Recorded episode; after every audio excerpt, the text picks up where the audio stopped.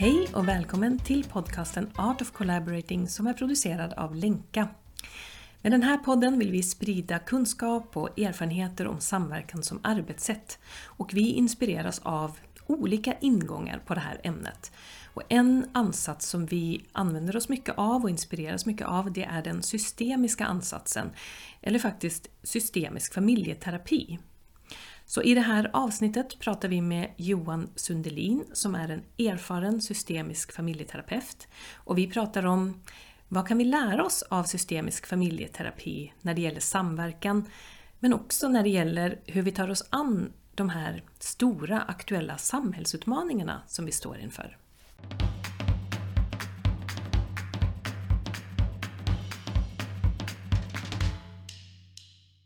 Ja, men eh, vad roligt! Varmt välkommen Johan Sundelin till vår podd. Tack, tack för det. Eh, jag ska kort introducera dig så får vi se om du håller med om eh, det jag säger att du är. Johan, du är ju psykolog och du har disputerat som psykolog. Eh, du har lång erfarenhet, arbetat med grupper och med familjer. Eh, och du har jobbat väldigt mycket med den här systemiska familjeterapiansatsen kan man säga. Eh, och vi, jag kan ju säga det, varför vi då, Anna och jag här, är så eh, intresserade av att prata med dig, det är ju eh, också för att vi, vi använder oss väldigt mycket av systemiska metoder och en systemisk ansats när vi jobbar med eh, samverkan och när vi faciliterar grupper och liksom sådär. Så det är väldigt spännande att få prata med dig idag. Vi ska prata, jag tänkte att vi ska både prata med dig om den systemiska ansatsen men också om en eh, ansats som heter IFS. Och den ska vi komma in på liksom när hälften av det här samtalet har gått så att, vi inte, så att det inte blir så förvirrande. Men det är två ansatser som hänger ihop lite grann och som vi båda tycker är väldigt intressanta utifrån det vi jobbar med. Så det här blir lite ett eh, tvär, eh, kan man säga tvärdisciplinärt samtal. Vi, vi är ju inte psykologer, men det är du. Och eh, du har erfarenhet av familj, familjer och det ska bli väldigt kul att prata om. Är det något nu som du vill lägga till Johan om dig? Nej, jag tycker du fångar det viktigaste. Jag, du sa inte att jag, min yrkeskarriär har huvudsakligen varit inom barnpsyk, men om det nu kan ha något, något intresse i det här sammanhanget kanske. Mm. Mm. Det finns säkert jättemycket mer intressant att säga om dig. Men vi kan se vad som kommer fram också i det här samtalet. Men vi tänkte att vi gör alltid så här på våra poddar att vi checkar in lite på samtalet bara för att vi alla kan landa lite i vad vi ska göra och eh, vad vi tycker blir intressant. Precis, vi tänkte bara om var och en vill svara på den här frågan. Vad tycker du ska bli intressant med det här samtalet? Eh, så att, ja, men jag kan börja med dig Caroline. Vad tycker du ska bli intressant? Ja, jag tycker det ska bli jätteintressant ehm, eh, att, att få liksom att lyfta in, att dels prata mer om det systemiska och lyfta in det lite i de här samverkans eh, sammanhangen som vi befinner oss i och se liksom hur vi tror ju väldigt mycket på, eller har sett att de här metoderna har så otroligt fina effekter så att eh, det ska bli, det känns så rätt att få prata med en riktig expert på det här eh, tycker jag. Och det ska bli intressant att se vad vi kommer fram till tillsammans och mm. få syn på. Mm. Tack. Johan, vad tycker du ska bli intressant med samtalet? Ja, det är väl eh, om eh, jag kan bidra eh, med det som jag kan då till era frågeställningar. Det är ju, eh, alltså ni jobbar ju med, med eh, grupper, olika samverkansgrupper förstår jag, i olika sammanhang kring något dilemma eller problem som gruppen har sammankallats för då. Och, eller att man ska ta sig framåt i någon gemensam ansats, utgår jag ifrån. Och jag tycker det kunde, det kunde väl vara intressant att se om jag kan, om jag kan, om jag med min bakgrund kan bidra med några funderingar som ni kan ha glädje och nytta av kanske. Mm. Och du då Anna? Tycker du är intressant? Ehm, Ja, men jag tycker det ska bli jätteintressant att, eh, att prata mer om det systemiska. Jag vet inte hur mycket vi har pratat om det i den här podden, att, att det är så mycket som vi gör också som har en grund i, i de här tankemodellerna och filosofin. Eh, så att det blir ju kul bara att fördjupa sig i podden kring det. För att vi ser, som du sa också Karolina, så mycket fantastiska värden som uppstår i olika sammanhang utifrån det systemiska.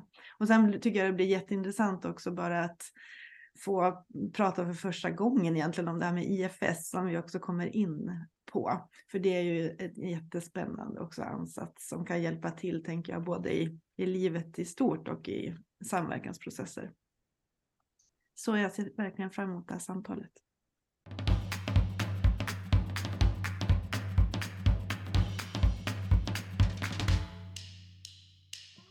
Ja men vad bra, men då är vi lite laddade för det här. Vad ska vi, nu är frågan vad vi ska börja med. Frågan är om vi ska börja med att försöka ringa in vad är det, när vi säger systemiskt, för jag menar, vi menar massa saker med det och du menar massa saker med det Johan, och, men våra lyssnare vet kanske inte, menar kanske ingenting om det för att de inte har befattat sig så mycket med det. hur skulle du beskriva vad det systemiska är för någonting, Johan?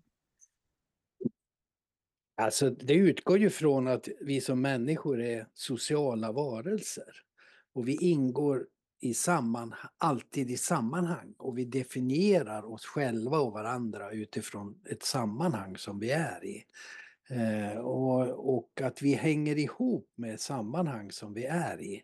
Så var finns personen? Jo, den finns oftast inte bara i en person utan den finns också mellan personer det som man upplever är en själv så att säga. Så att sammanhanget, kontext som är ett, ett etablerat uttryck nu för tiden, är ju liksom så oerhört viktigt för att förstå situationer, förstå en individs utgångspunkter och så vidare. Det är att vi är styrda av olika typer av kontext som vi, vi, vi ingår i och vi är liksom relativa, de sammanhang som vi är i.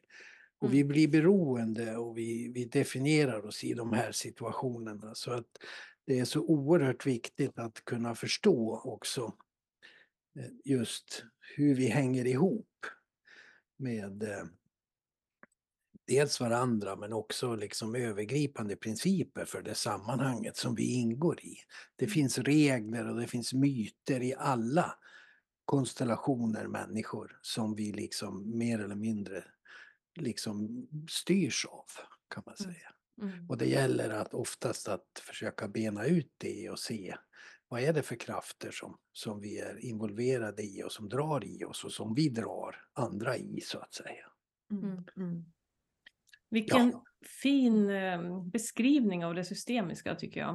Eh, och om vi, om vi tänker då, om det är utgångspunkten att vi liksom är eh, ihopkopplade och vi, vi också är en del av sammanhanget och sådär. Eh, hur, hur kan man beskriva då de här metoderna som är systemiska? Alltså vad, hur tar man sig an det då systemiskt?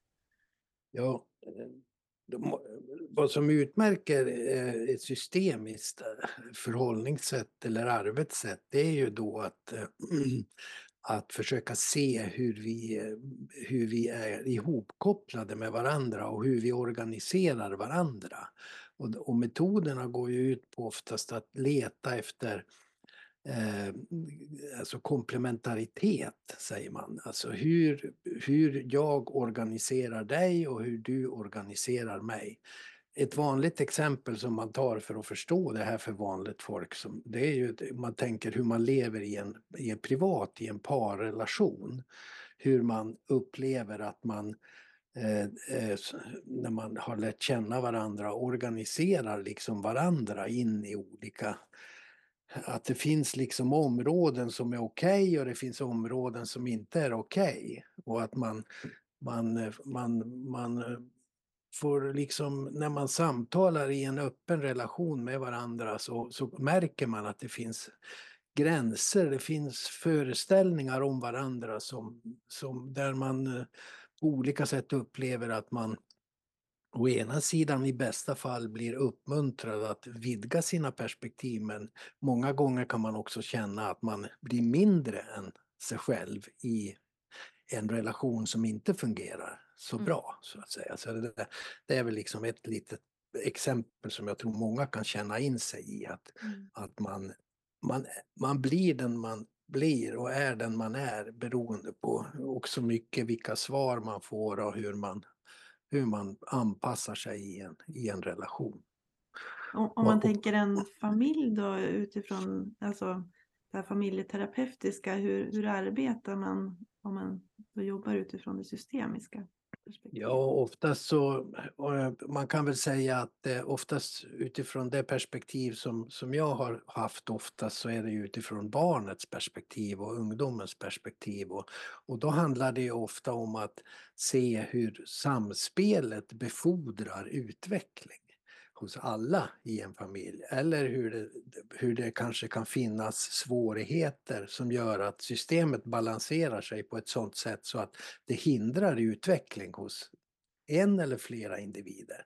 Det kan finnas, om ni tänker en familj där det kan finnas eh, ett barn som, som uppvisar någon form av symptom eller svårigheter, så då, då kan man se kanske att taket är för lågt därför att det finns någon annan problematik som systemet balanserar. Till exempel en psykisk labilitet eller psykisk svaghet hos någon av föräldrarna eller en allvarlig konflikt mellan föräldrarna eller någonting annat som någon missbruksproblematik eller någonting som gör att man tar hänsyn till det i så stor utsträckning så att eh, något av barnets möjligheter att växa eller utvecklas på ett adekvat sätt försvåras eller förhindras. Det kan finnas andra svårigheter också men det är liksom ett sånt typiskt exempel där man kan resonera utifrån där sammanhanget liksom på olika sätt kan begränsa individens möjligheter. Då. Mm. Det är ju väldigt, eh, jag tänker vi jobbar, vi använder ju begreppet mönster ganska mycket, att vi skapar, vi brukar prata om kommunikation på våra utbildningar eh, och att vi hela tiden skapar mönster i liksom eh, i, vår, i vårt samspel då. Att vi, vi skapar ju mönster och vissa, vad ska man säga, settings, om man tänker sig att man har ett möte till exempel och man alltid, om man tänker sig ett styrelsemöte, om man tänker att man alltid går in på samma sätt i det mötet och man sätter sig på samma plats och man, man går efter en viss ordning som man liksom har en formell ordning, då, då möjliggör den, det mönstret som skapas då, liksom en viss sorts, det möjliggör för någonting, men inte för andra saker, eller vad man ska säga. Så det, Nej. Nej, det är jättebra. Eh, mönster är ju, är ju ett typiskt systemiskt sätt att se. Alltså man letar ju efter återkommande kommunikationsmönster som systemet liksom befordrar. Mm. Eh, eh, Så att det, det ofta, och jag menar en engångsgrej är en sak men ofta så ser man ju i en familj till exempel att sättet att om de ska berätta om sig själva eller om de ska prata om någonting som är svårt och så vidare så finns det ett, ett, ett mönster i hur de presenterar sig. Vem som pratar, vem som är tyst, vem som vet, vem som är osäker, vem som blir ledsen och så vidare. Det, och så ser man att det där repeterar sig. Mm, att det är så Och- starkt. Liksom. Ja, ja visst. Och då, och då kan man ju se att det finns, det finns oftast, vad som ligger bakom det är oftast myter och föreställningar om rätt och fel och sant och falskt och bra och dåligt och så vidare som gör att, eh, att alla underordnar sig det där regelverket och så kan man se då hur, hur ett sånt, och en del mönster är mer konstruktiva eller produktiva än andra så att säga.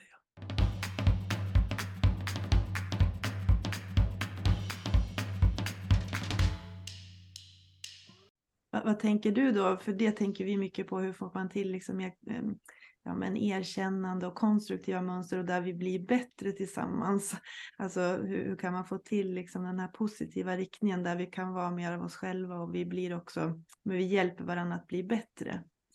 Em, Jag förstår, jag förstår frågan, den är stor. ja, den är Ehm, stor. Den är stor, men jag menar det, och det är ju så att alltså i en, i en terapisituation då är det ju oftast terapeuten då som måste ta ansvar för att stimulera möjligheter till friare, nyare kommunikation så att säga. Alltså att gå utanför boxen, att få hjälp, att få mod, att, att få tag i bitar av sig själv som som systemet vanligtvis inte tillåter så att säga.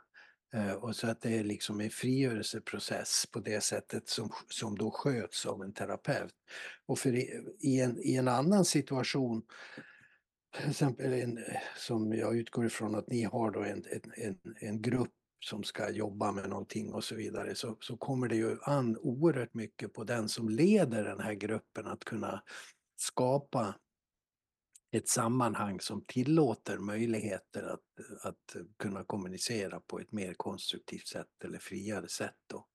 Och jag utgår ifrån att, att ni jobbar med den typen av frågor. Jag menar, från början, vi har ett begrepp sammanhangsmarkering eh, som vi utgår alltid ifrån, det vill säga att vi alla som kommer in till en, en, en grupp måste få hjälp att veta vara förberedda på vad det är för grupp, vad, är liksom, vad det är för tema som ska avhandlas, hur länge gruppen ska hålla på, vilka, om det finns, alltså hur man arbetar i gruppen och så vidare. Eh, vad, vad den här informationen, hur den här informationen som man delger varandra ska hanteras, om det är en grupp som har möjligheter att ha ja, att, man, att man kan vara trygg i gruppen så att säga. När man, alltså den typen av spelregler är ju, är ju oerhört viktig. Mm. Eh, så att, och sen är det ju så att samtalsledaren eh, samtalsledaren måste ju kunna befordra en, trygg, en struktur som skapar trygghet och måste kunna hantera liksom faser och processer i gruppens, ja, i gruppens framsteg så att man vet liksom när man är i kreativ fas och när man, är, när man går in i någon form av strategisk fas eller när man går över i en beslutsfas och så vidare. Och, och så att alla vet balansen mellan eh, frihet, kreativitet å ena sidan och, och, och, och, det som kanske mer handlar om struktur och disciplin och, och, och sådär å andra sidan. Och så lojalitet ofta, jag menar, en, en, det finns ju många exempel på grupper som, som inte fungerar så bra, typ alltså, sekteristiska grupper till exempel, där man är väldigt tydlig med vad som är rätt och fel och det finns en smal väg framåt som anses korrekt och alla andra saker är hädiska så att säga.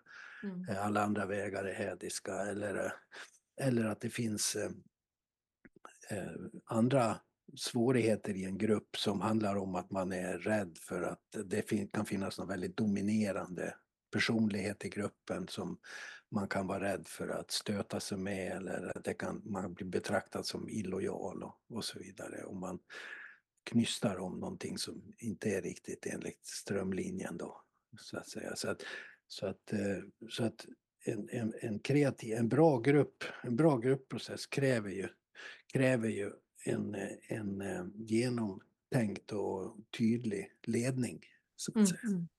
Även om den inte ska vara auktoritär naturligtvis, men att det ska finnas en struktur som är mm. förankrad. Då, liksom. mm, mm. Men det är ju så intressant, tänker jag, när man då, för, för när du beskriver de här familjerna och eh, hur man då kan bli hämmad liksom, av att det finns ett visst mönster eller det, det är liksom någon form av alla förhåller sig till någonting fast det är inte uttalat kanske och sådär. Eh, där blir det väldigt uppenbart, eh, men jag tänker på de här frågorna som vi är inne i idag, alltså som är de här samhällsfrågorna. Man, vad vet jag, man ska prata om eh, klimatförändring eller alltså olika ganska komplexa teman som man ska ta sig an tillsammans, men där man ju inte har riktigt det där perspektivet som du kommer in med, alltså att det här, hur viktigt samspelet är, hur viktigt det liksom blir för att frigöra också den kreativa potentialen då i en sån grupp. Eh, men att man då väldigt ofta tror att det där ger sig av sig självt, alltså att man liksom man behöver bara samlas där i ett rum och eh, med olika experter och sen, sen tror man att det löser sig. Ja, det där är väl, är väl ett problem eh, i Sverige tänker jag ofta när man, när man jobbar med komplexa problem, att man pratar om samverkan som lösningen på alla problem, men att själva samverkan ska uppstå av sig själv så att säga. Mm. Mellan lika, li, mellan li, eh, sam, alltså likvärdiga partners så, så, så, ska det ske av sig självt så att mm. säga. Och det där är är, är väl avslöjat i forskningen. När man jobbar, man jobbar med komplexa Eh, samverkansprocesser inom, eh, inom eh, min bransch, då, terapi av olika slag eller där det är olika aktörer som, som till exempel det finns en modell för um, Multi-treatment foster care är en sån här modell som bara tar som ett exempel där man jobbar med, med familjehemsplacerade barn i behandling. Där, som, där det dels finns ett biologiskt hem med biologiska föräldrar, det finns ett familjehem med, med familjehemsföräldrar och så finns det en individ i, i en sån här, i, i, placerad då från ett biologiskt hem till ett familjehem. Eh, det är ju en så väldigt komplex samverkanssituation under ett antal månader när man ska få det här att fungera.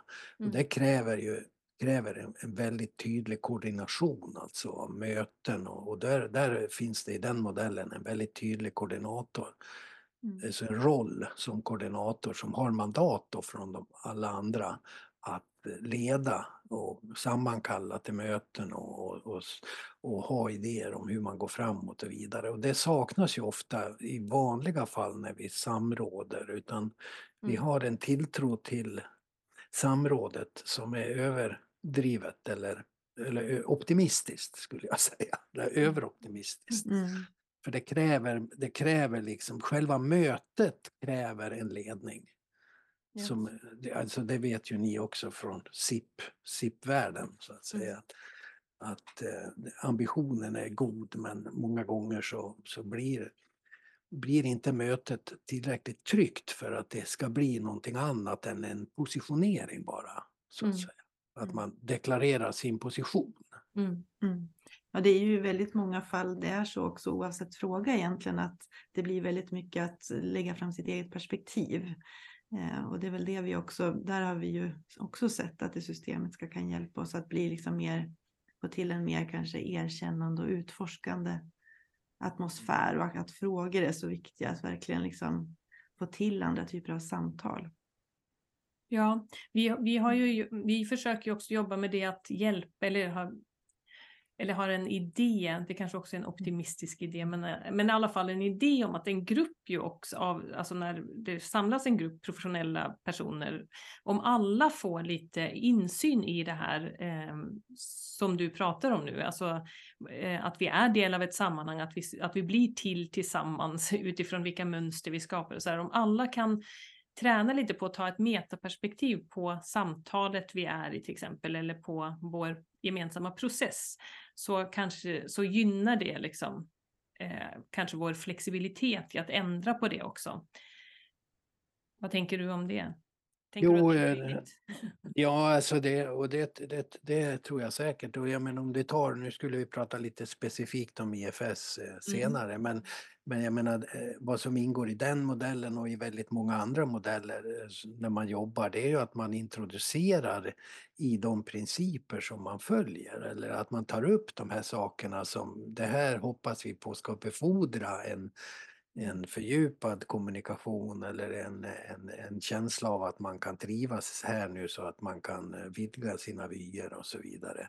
Mm. Så, eh, eh, förutom då att, att man har en väldigt tydlig struktur. Jag, jag tror att jag nämnde det när vi talades vid tidigare, du och jag, att, att, att själv har jag jobbat med samråd samrådsgrupper i min, i min värld kring intensiv familjeterapi, det var oftast familjer som så det krävdes samråd regelbundet mellan barnpsyk, skola, socialvård utan, mm. innan, in, mm. utan att det kallades för SIP så att säga därför att det var konkreta frågeställningar. Och, och, det, och, det, och det fanns mycket oro i olika läger runt en sån här situation. Och vi hade ju en väldigt tydlig struktur i eh, hur vi la upp mötena och hur vi presenterade hur vi skulle genomföra möten.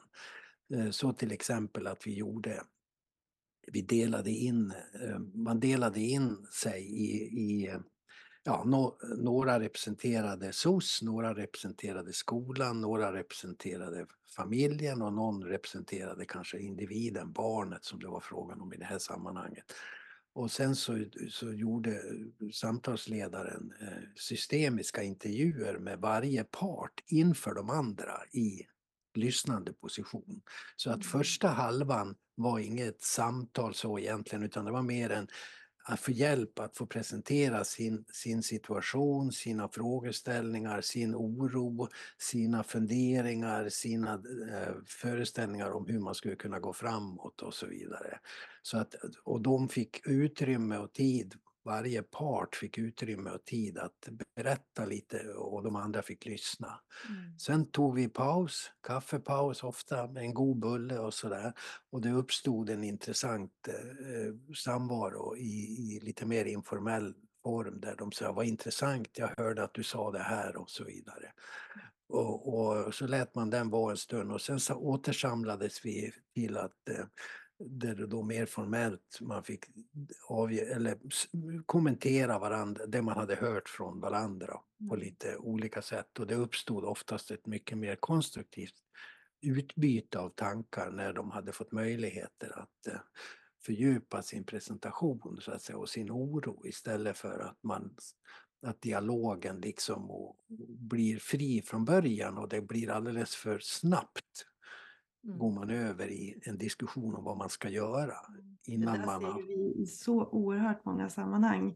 Dels det du säger nu att, att man kanske går in i en, i en dialog väldigt snabbt kring aktivitet. Men också vad som kan hända om man får om var och en får fördjupa sitt perspektiv inför andra och man får ställa frågor och förstå mer. Då kan det ju ibland vara ganska liksom häftiga saker som uppstår för man får helt enkelt en fördjupad förståelse kring varandras Precis, perspektiv. Det är ju precis. liksom lite magiskt på något sätt. Mm. Och Men det så här kräver ju... konflikter, liksom, eller när det finns lite, ja, men lite konflikt i bakgrunden eller så, att bara förstå lite mer kontext och lite grann varför någon kommer från en viss position gör ju också att det ibland luckras upp. Liksom. Absolut, Mm. absolut.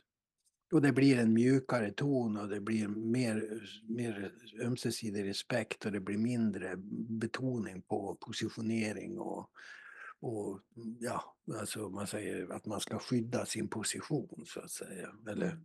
skydda sin, sin Mm. roll eller sitt Mm. fack eller vad det kan vara.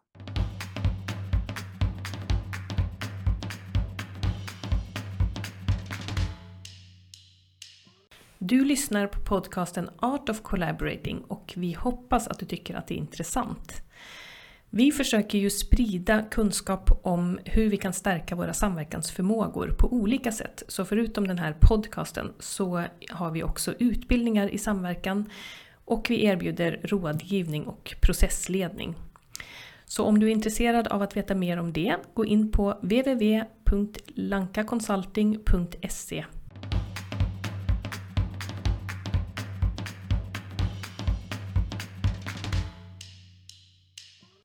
Men det, det här är ju väldigt intressant. Jag tänker där, där kommer det in liksom vilket värde det skulle skapa och ha mer kompetens inom det här.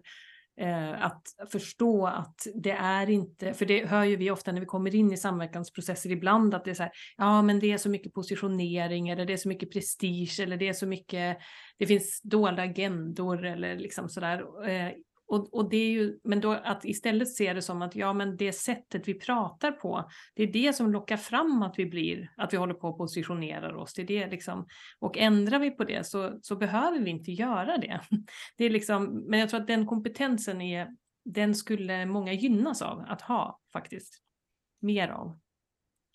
Jo, eh, absolut. Eh, men jag tror också att tid, det måste avsättas mer tid Mm. för de här mötena. Förberedelse och också tid för så att eh, inte man tror att man ska fixa, Mm. fixa det här för fort för att det är, då, det är då man fuskar över de här viktiga stegen av liksom trygghetsarbete och presentation och, och, och, och förberedelsearbete. Sen är det väl så också som jag nämnde till dig också när vi, Caroline, när vi pratade tidigare att, att en samtalsledare i er, i er situation har ju inte ett terapeutiskt mandat. Mm. Alltså ni, kommer folk till ett möte Så, så för att de ska kunna, kunna så att säga komma och vara ja, nyfikna, inte bara dit därför att representera en, en position och så vidare, utan vara lite nyfikna på vad andra säger och så vidare, så måste de ju i någon mening ge ett mandat till Mm. den som leder gruppen att, eh, att Mm. inte vara terapeut men att, eh, att, att ändå eh, utmana nyfikenhet eller, eller våga fråga saker som de, att få frågor som man inte har tänkt sig att få och så vidare Mm. riktigt. Och, så där, va? Och, och det där är väl en känslig fråga också hur man jobbar med mandatet att leda samtalet kan Ja. jag tänka mig. Ibland, ibland kan det finnas ett mandat att någon har liksom fått en processledarroll liksom kring frågan och kan eh, ja, men lägga upp mötena på ett visst sätt. Men det är klart, ibland så är det ju sådär att, att det är lite osäkert om man kan steppa fram och ta det mandatet. Det ju, Ja, och folk är olika förberedda på Mm. liksom vilken roll de ska, de ska representera i mötet. Det där känner man ju i, i vet ibland, eh, även när man pratar i min bransch med människor, med föräldrar som kommer med sina barn och de har en föreställning om att vården ska fixa barnet. Mm.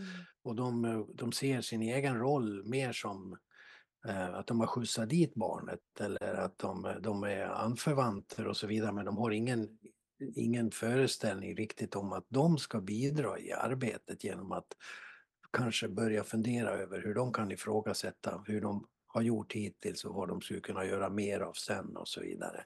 Mm. Så att eh, då, då kan de bli väldigt överraskade och, och kanske till och med kränkta när man börjar fråga hur de har det och om de har tänkt på att, Mm. hur de kan relatera lite annorlunda eller om de och så vidare. Det kan nog komma väldigt överrumplande och överraskande och jag kan föreställa mig att det finns motsvarande processer i i sådana här samverkansmöten också, att folk blir överrumplade helt Ja. enkelt. Där har vi också, i samverkan är ju på något sätt lite parallella processer, att det kan ju sitta en gruppering med personer från olika organisationer tillsammans och så ska de liksom koordinera sig kring en viktig fråga. Sen har de ju också sina föräldrar eller sina hemorganisationer och där kan det ju ibland också uppstå den, den eh, kanske dynamiken om att hemorganisationen förstår inte alls att de också är medskapare i det här. Nej, nej, nej. ja.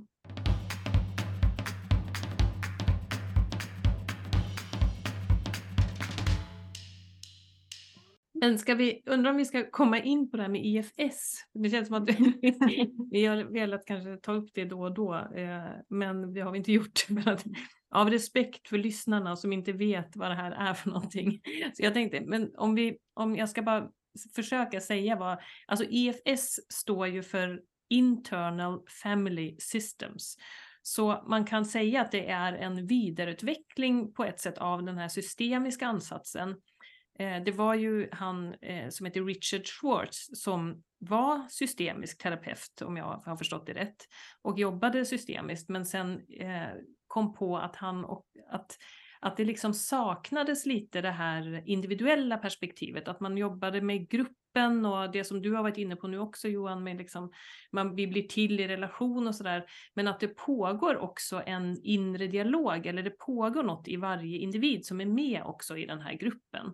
Och, ehm, och, och IFS, in, de här interna familjesystemen, det, det är väl det som är utgångspunkten, att vi alla då har med oss i oss själva ett e, eget litet familjesystem som vi har in, inuti oss, liksom, som där det håller på olika delar och, och interagera med varandra också. Håller du med om den beskrivningen jag har gett nu, Johan? Ja, absolut. Och jag, jag säger Schwartz är ju fortsatt systemisk terapeut, alltså, men Mm. han vidgar det till, eh, alltså, alltså ett, ett sant systemiskt perspektiv går ju från bio, biologi till eh, utvecklingspsykologi, till familj, till nätverk och samhälle. Alltså det är ju ringar i ringar så att säga, vad som är system. Va? Så att det är inte något, han gör ju egentligen inget avsteg, det är bara att han vidareutvecklar vidareutvecklar den inre dialogen Mm. i systemiska termer eh, Mm. utifrån den här modellen då som, som där vi parerar olika vi gör ju olika livserfarenheter som individer i, vår, i vårt liv och vi är med om saker som är uppfordrande och vi är med om saker som är bra och utvecklande men vi är också ibland med om saker som, som, inte har, som har gjort ont på olika sätt och som har varit svåra och, och att vi då på olika sätt parerar för det, att det ska repetera sig. Det är saker som gör ont i oss som vi på, stoppar undan eh, på olika sätt och som vi, vi försöker leva utan att bli påminda om så att säga. Mm. Så att det, det är ju en sån modell där olika röster, olika krafter i oss eh, utgör oss så att säga och att vi har vi har, man pratar ju om the self, självet då som, som är den sanna personen men att vi, har, vi tar hjälp av andra krafter som hjälper oss att skydda oss och ta oss fram i tillvaron med de skavanker som vi har så att säga. Ja, Eh, så, precis.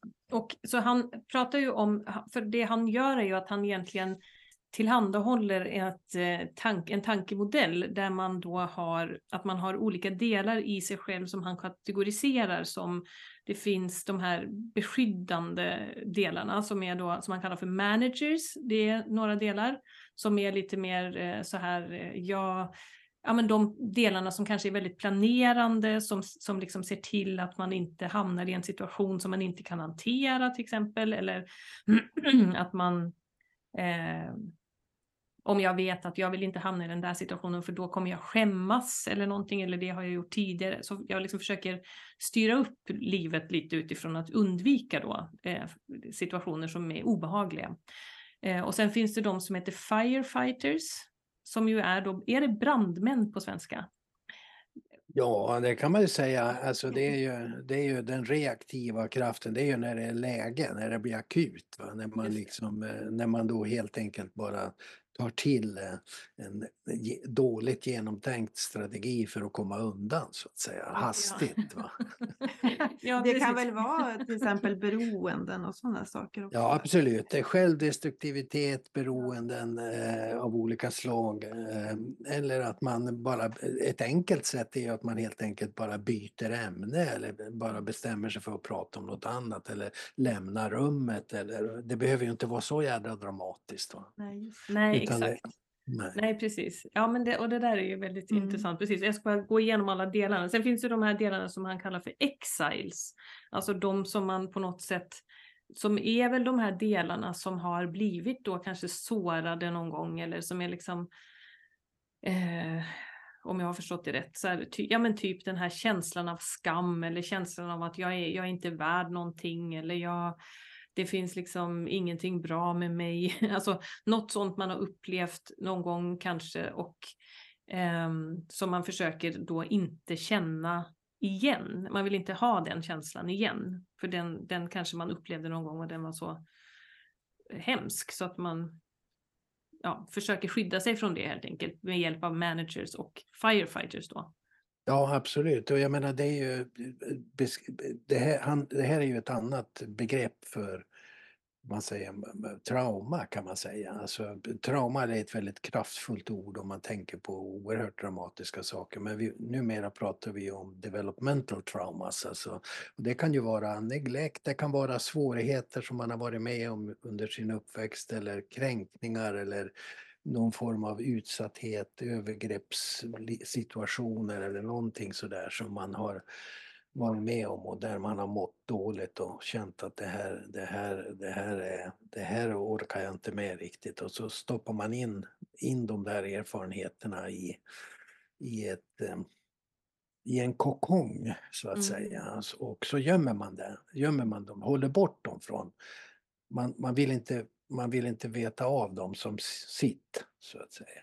Och Mm. då, de här protectors de hjälper ju till att hålla bort dem där då så att säga på olika sätt. Och det, Mm. det hakar ju i din beskrivning.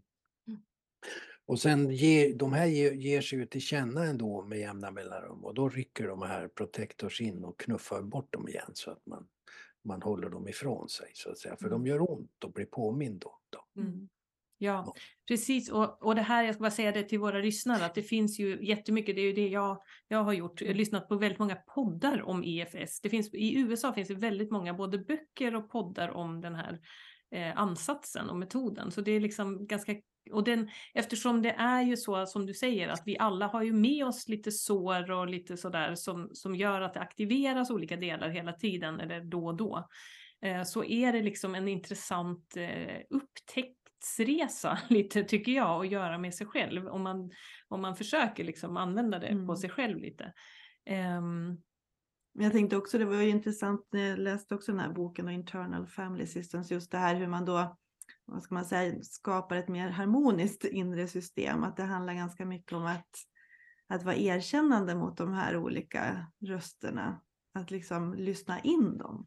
Ja, alltså poängen med ett systemiskt förhållningssätt är ju att alla gör så gott de kan. Alla delar i en gör så gott de kan. Alla försöker hjälpa till. Alla försöker ha goda, alla har goda intentioner. Alla, alla bidrar. Så att eh, för att man ska kunna närma sig de här låsningarna eller de här balanserna som är väldigt energikrävande. Man kan ju se då det inre systemet som en, ett system i balans men som är ett an, en ansträngd balans så att säga. Den kostar energi så att säga. För att man ska kunna närma sig, närma sig eh, någon form av förändring eller någon form av upplösning av de här väldigt eh, desperata försöken att liksom eh, hålla bort information och så vidare från en så måste man ju måste, måste man ju välkomna de här olika krafterna, bjuda in dem, eh, se att de försöker hjälpa individen. En vanlig fråga till en protektor eller som man ställer en protektor är vad skulle hända om inte du fanns? Vad är du rädd för ska hända om inte du är här och hjälper till? så att säga. Mm. Så att eh, det, det, det, bygger ju oerhört mycket på att eh, välkomna alla de här krafterna eh, och hjälpa dem att se att eh, om du skulle, vad skulle hända om, om självet får möta den här svårigheten nu under trygga former? Skulle den kunna, kunna resonera, kunna ta emot, kunna hantera en sån här smärta som, och mm. kunna lägga den, lägga den åt sidan eller arbeta sig igenom den eller kunna ja, ta hand om den nu när det har gått ett antal år och så vidare så mm. att inte den är så verksam och så kraftfull och sådär.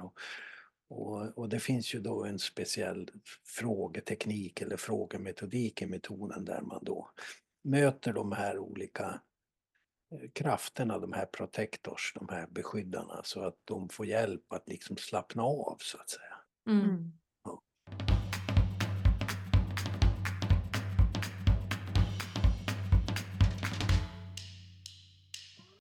Ja. Det är ju det som är så intressant med det, för man kan ju då tänka så här om man är lite, man, man börjar liksom få syn på lite sådana delar. Så får, om jag får syn på en sån här del som hela tiden ska hålla på och ha kontroll till exempel, för att eh, det tror jag, då, då är jag skyddad. Eh, och, så, och så kan jag ju bli irriterad på den delen också. Jag kan ju bli då, då, och då, men då är det ju kanske en annan del som blir irriterad på den där delen då. så det är ju liksom en helt ett, mm. ett jättestort system av olika delar som håller på. Och då som du säger, det här att liksom att, att, ähm, att ha en liksom erkännande blick på alla de här delarna, på alla de här delarna. Så liksom att, att istället för att bli irriterad, liksom, eh, vända sig mot den här delen med, med en välkomnande blick. Det är, liksom, det är väldigt mycket i det som det finns en väldigt stor kraft, känns det som och något som är annorlunda än, än eh, det man brukar göra kanske, eller vad man ska säga. Ja, det tycker jag också. Och det är det som är den stora skillnaden, att man inte ska bekämpa de här delarna eller trycka bort dem eller säga, helt enkelt försöka träna bort dem eller hur man ska säga, mm. utan att man faktiskt tar emot dem och tar reda på varför de är så ihärdiga och vad de har för budskap och, och vad de försöker hjälpa en med. Mm. Eh, för, att, eh, för att man ska kunna komma vidare då. Mm. Det är ju så. Och som sagt, modellen är ju sån att det, det, kan ju dyka upp nya sådana där beskyddare om man jobbar med en beskyddare och så kommer det någon annan och ska hjälpa den så att säga. Så, ja. så att det, det, det, det där är... är ja. men, men vad kan hända då Johan om man tänker att vi alla har våra så interna familjesystem och vi kanske känner igen oss att det är olika röster som liksom håller på och pratar med varandra internt och så möter vi varandra Eh, jag fick bara liksom hypotesen att det är väldigt spännande i mötet också emellan oss som människor. Säg att jag har någon så här beskyddarröst eller, eller den här managern som håller på internt och som gör att jag är en annan person som vars familjesystem också är i aktivitet. Jo, och jag menar det, det, det, där blir ju då, det är ju så man kan dra konsekvenser till, till vad som händer mellan oss då så att säga. För att i, i, i relationer som blir känslomässigt intensiva då mellan personer så kan vi ju aktivera varandras beskyddare mm. förstås. Alltså, mm. för, förstår ni? Man, äh, så att i en familj till exempel när man jobbar med en svår psykiatrisk problematik. Jag jobbar en del med problematik va, med tonårstjejer oftast. Som har en egen inre dialog med kraftfulla managers som på olika sätt försöker hålla ledningen eller vara dominerande i deras tillvaro då på olika sätt för att kontrollera en massa svårigheter som de kan ha. Om man då pratar med föräldrarna till ett sådant barn samtidigt och, och kan prata med dem om deras, alltså vad väcker barnets brott, brottningsmatch, vad väcker barnets svårigheter för nå, någonting i mig? som mm. förälder. Jag, jag kan känna mig avvisad, jag kan känna mig att jag har tappat kontrollen, jag kan känna att jag är dålig, jag kan känna en massa saker som, så, så, som, som aktiveras i mig som gör att jag inte orkar vara den förälder som det här barnet behöver så att mm. säga, just i den här stunden. Så att på det sättet så, så det är klart att det är ett exempel på hur, hur man kan då arbeta terapeutiskt, liksom både internt med var och en, men också hjälpa dem att prata med varandra om hur de triggas av varandras svårigheter. Mm. Och att de kan få hjälp också att orka härbärgera, en förälder då får hjälp att kunna orka härbärgera sitt barn eh, och få hjälp att hålla sina protektors i, under mm. kontroll mm. så att säga. Mm. Ni förstår liksom, så att en kommunikation då går från protektor-protektor kommunikation till self-self kommunikation mm. eller åtminstone self hos föräldern och protektor hos barnet under en övergångsperiod till. Mm. Och jag menar det är ju samma processer i en, i en emotionellt laddad situation mellan vilka människor som helst eller mm. folk som jobbar ihop och så vidare. Att man, man utlöser ju varandras svaga sidor eller vad jag ska mm. säga. Mm. Mm det är klart att det blir så, att det är någon som påminner om någon eller det är mm. någon människa som påminner om något jag har varit med om som var hemskt och sådär. Ja. Eller hur? Ja, för det var ju därför vi blev ju också lite exalterade, både av den här liksom terapiformen i sig, att det känns ju som den är väldigt intressant liksom för att lösa personliga eh, ja, men problem eller liksom lösa upp den här interna dialogen och vidga den på något sätt. Men också i samverkansprocessen man kommer in med väldigt olika perspektiv och det är på något sätt, det är ju både något som händer mellan människor i den här grupperingen men också, sen händer ju någonting inom en själv också kanske om man får ett perspektiv eller något som man triggas av eller det måste ju vara liksom lite allmängiltigt att de här olika delarna kan aktiveras. Liksom. Absolut, och det är väl där som självreflektion, alltså den här metoden eller det här sättet att tänka kan hjälpa människor att hejda sig lite så att säga. Tänka, alltså just att det, det finns ju ett begrepp som vi kanske inte har nämnt som heter mentalisering. Som ni vet att man kan se sig själv utifrån och man kan prata, prata man kan prata med sig själv eller man kan, man kan mm. förhålla sig så att säga till sina egna reaktioner och så vidare. Och att, mm att eh, det här är, modellen är ju en, en, en praktisk variant på mentalisering. Alltså att, mm. att, att, jobba med sin förmåga att prata med sig själv. Och jag menar triggers som kan komma utifrån, eh, utifrån en eh, animerad diskussion om några perspektivskillnader och så vidare. Det, det är klart att, en, att det kan väcka en överreaktion hos var och en av oss om, vi träffar, om det träffar lite illa. Mm. Så att säga. Mm. Eller, och jag menar just att få möjlighet att reflektera över vad var det som hände med mig nu? Liksom. Mm. Varför blev jag så upprörd eller varför blev jag så mm. någonting? Va? Ja. ja, för det är väl det som, som jag tycker är en, en sak som är så bra med det här som, som påminner, eller som är den här systemiska ansatsen också, men det här att att, att jag beter mig på det här sättet nu eller att jag aktiveras på det här sättet, det är inte hela jag, utan det är en del av mig. Alltså att jag kan skapa lite distans till den delen. Jag kan liksom, och, och just det där, när du också pratar om self-energy, eh, det, det är ju det här att liksom bara att stanna upp lite och se, aha, det är, en, det är en sån här del och sen om man då lyckas dessutom ha lite en kärleksfull blick på den delen, då har man ju redan försatt sig i en, i en annan energi eh, på något sätt, tänker jag, som, som är mer den här, som Richard Schwartz också, han pratar om den här self-energy som något som är väldigt, han har ju de här eh, eh åtta c som han beskriver den med. Och jag skrev upp det bara här, som han beskriver det som clarity, compassion, courage, calmness, curiosity, confidence, creativity och connectedness. Fina egenskaper. Mm. Ja, och jag menar om man har det, alltså i en grupp, har det, den energin att spela med, då är ju liksom väldigt mycket möjligt, tänker jag. Eh, men, men det har man förmodligen sällan för att, för att det alltid är något som aktiveras och något som hindrar den där liksom energin från att eh, flöda fritt eller vad man ska säga.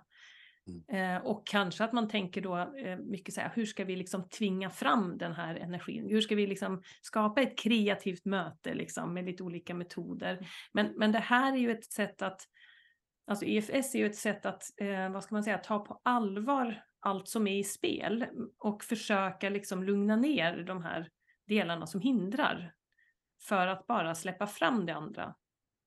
Jag tycker det, det är något väldigt fint med det som, som är liksom det är något ödmjukt med det, med hela ansatsen som, som känns rätt på något sätt. Eller, alltså... Det är ju det är två saker som jag tänker på när du pratar nu. Det, eh, det ena är ju då, alltså vi förknipp, vi, vi vanligt, i vanliga fall så förknippar vi det här pratet om vi är många delar och så vidare med något sjukligt, något, något dåligt, något mm. dissociativt och så vidare. Men modellen är ju väldigt tydlig med att vi är sådana allihop. Det är normalt att vara många olika, ha många olika och ha ambivalenser och ha många, uppleva många olika krafter i oss och så vidare. Det är det ena. Mm. Och det andra, vad var det nu då? Jag tänkte på, jo, det var ju eh, alltså, alltså själva modellens metodik är ju, betonar ju väldigt mycket hela tiden att när man riktar sig till, och när man pratar med varandra, eller en del i mig, jag hör att det är mm. en del i dig. Jag, jag, alltså att man är väldigt noga med att betona det hela tiden och att det, det, är väldigt avlastande att få, det, att få höra det, att det är bara en del av mig som är lite mm. Mm. Exalterad eller som trampar iväg och så vidare. Att, att, jag, att jag är aldrig, jag, äh, mina uttryck i olika sådana här situationer är aldrig hela mig utan det är en mm. del av mig. Mm. Det kan göra att man har mycket lättare att hantera sig själv också och hantera liksom det där att bli påkommen eller mm. hantera det där att man tycker man gör bort sig eller att man då blir för någonting. Att, mm. att man blir relaterad till, på det sättet och får hjälp att se hur man kan prata med den delen i sig själv. Mm. Eftersom alla förutsätter att det finns andra delar också. Liksom. Ja, precis. Det tycker jag är så bra. Mm. Ja.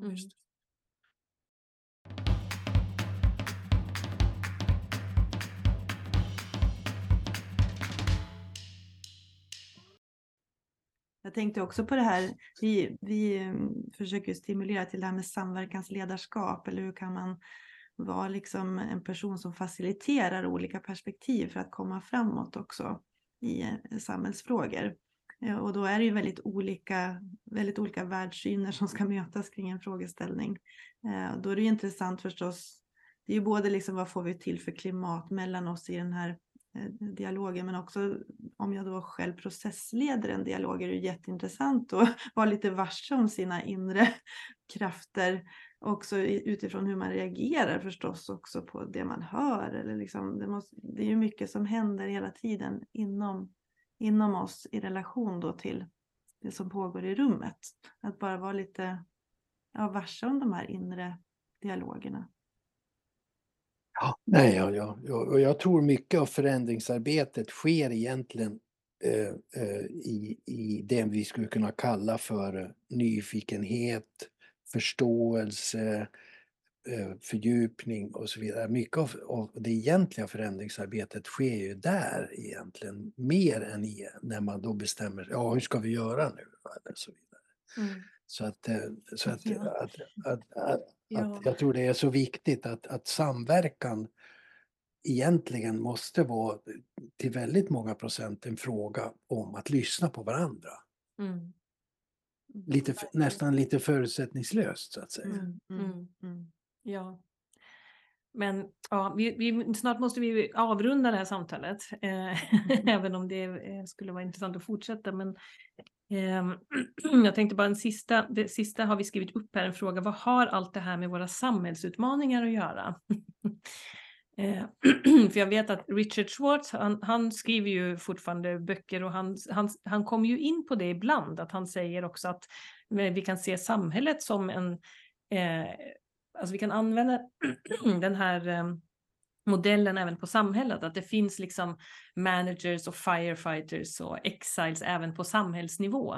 Eller att man liksom kan se då, och jag tänker på, tänker man bara klimatfrågan till exempel, eller eh, ja, det finns ju massa, massa teman, eh, brottslighet, man kan väl ta vilket tema som helst egentligen. Då skulle man ju kunna lägga ett sånt raster på det också och, och se i samhällsdebatten, vad är det för röster som kommer fram där? Är det liksom, hur mycket self-energy är det i det och hur, my- hur mycket liksom managers och firefighters eh, och exiles och vilka Ja, är de? Det, det är ganska intressant perspektiv liksom. Det senaste, bara jag reflekterade häromdagen, eh, det kommer då en PISA-rapport om dåliga skolvärdet, skolresultat. Och två dagar efteråt så kommer det ett, ett, en propå från regeringen om att de ska förbjuda mobilerna i, tele, i skolorna. Hörde ni det? Nej, det hörde det inte. då, då, då, då, då plötsligt så visar man handlingskraft genom att, att säga att nu ska vi arbeta för att införa en regel att inga mobiler i skolorna Mm. från och med ett visst datum. Just. Och, Mm. och det där, det man kan ju förstå tanken och så vidare men det, det ju, låter ju väldigt mycket som en firefighter tycker Mm, jag. verkligen. Ja, verkligen. Snabba beslut om action. Ja, precis. Ja, verkligen.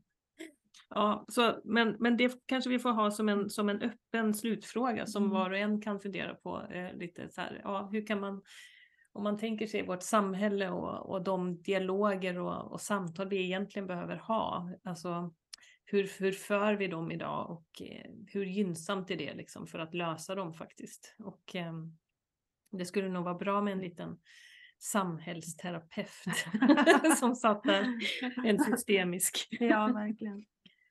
Ja, men ska, vi kanske måste Mm. börja checka ut då. Vi checkade ju in så vi tänkte Ja. vi checkar ut också. Ja, men vi tänkte om vi checkar ut på den här frågan, vilka tankar har väckts hos dig av det här samtalet? Ehm, Johan, vad tänker du? Ja, jag tyckte det var intressant att, att prata med er utifrån det perspektiv som ni har och, och att försöka prova lite grann. Jag, har, jag är ju inte inne i det här för egen del så mycket men det var lite kul att få prova tankesättet på, på, på eran situation och så vidare. Jag vet inte om ni, om ni tyckte att ni fick med så mycket av det men eh, jag tyckte det var spännande i alla fall. Tack. Eh, Och Caroline, vilka tankar har väckts hos dig? Ja, men jag tyckte det var väldigt, väldigt värdefullt att prata med dig Johan. Jag, jag dels, ehm, dels väcktes det bara en sån här känsla i mig av att eh, det är något med, med liksom det här terapeutiska rummet. För jag tänkte på det, det du sa där med att eh, bara lyssna och vara nyfiken istället för att liksom gå in och göra och lösa massa saker hela tiden. Egentligen för mig, det är lite den bilden jag har av det liksom terapeutiska rummet, att det sitter en människa som är beredd att lyssna och ta sig tid och det finns ett rum liksom för det som är som vill utveckling på något sätt och som är något väldigt fint. Så jag tänkte, jag, jag, det som väcktes hos mig var också, jag är så glad att vi inspireras av det, alltså av även metoder och ansatser från terapi, ja, terapirummet liksom, för att det är eh, så otroligt gynnsamt. Så det blev jag påmind om och jag tycker det är väldigt härligt att det finns eh, sådana som du Johan som jobbar med det här och, och som är så erfarna med det. Det är väldigt värdefullt att bara få lyssna på dig också. Så jag, ja, och du då?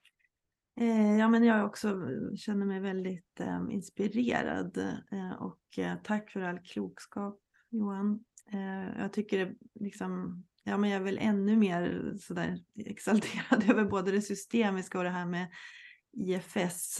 Eh, att det både kan ju hjälpa, det kan ju hjälpa oss själva som människor och mig själv i min förståelse av mitt eget interna system och också interaktionen med andra.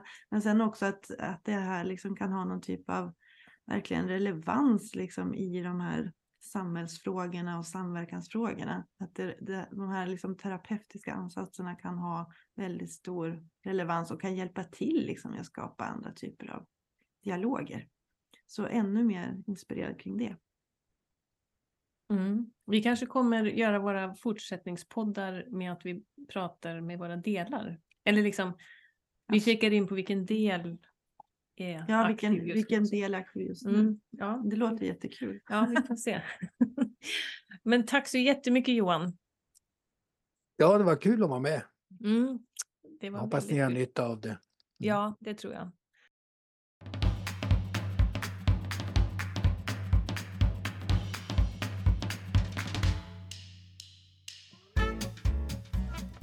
Tack för att du har lyssnat på vår podd. Vi hoppas att du tyckte det var intressant.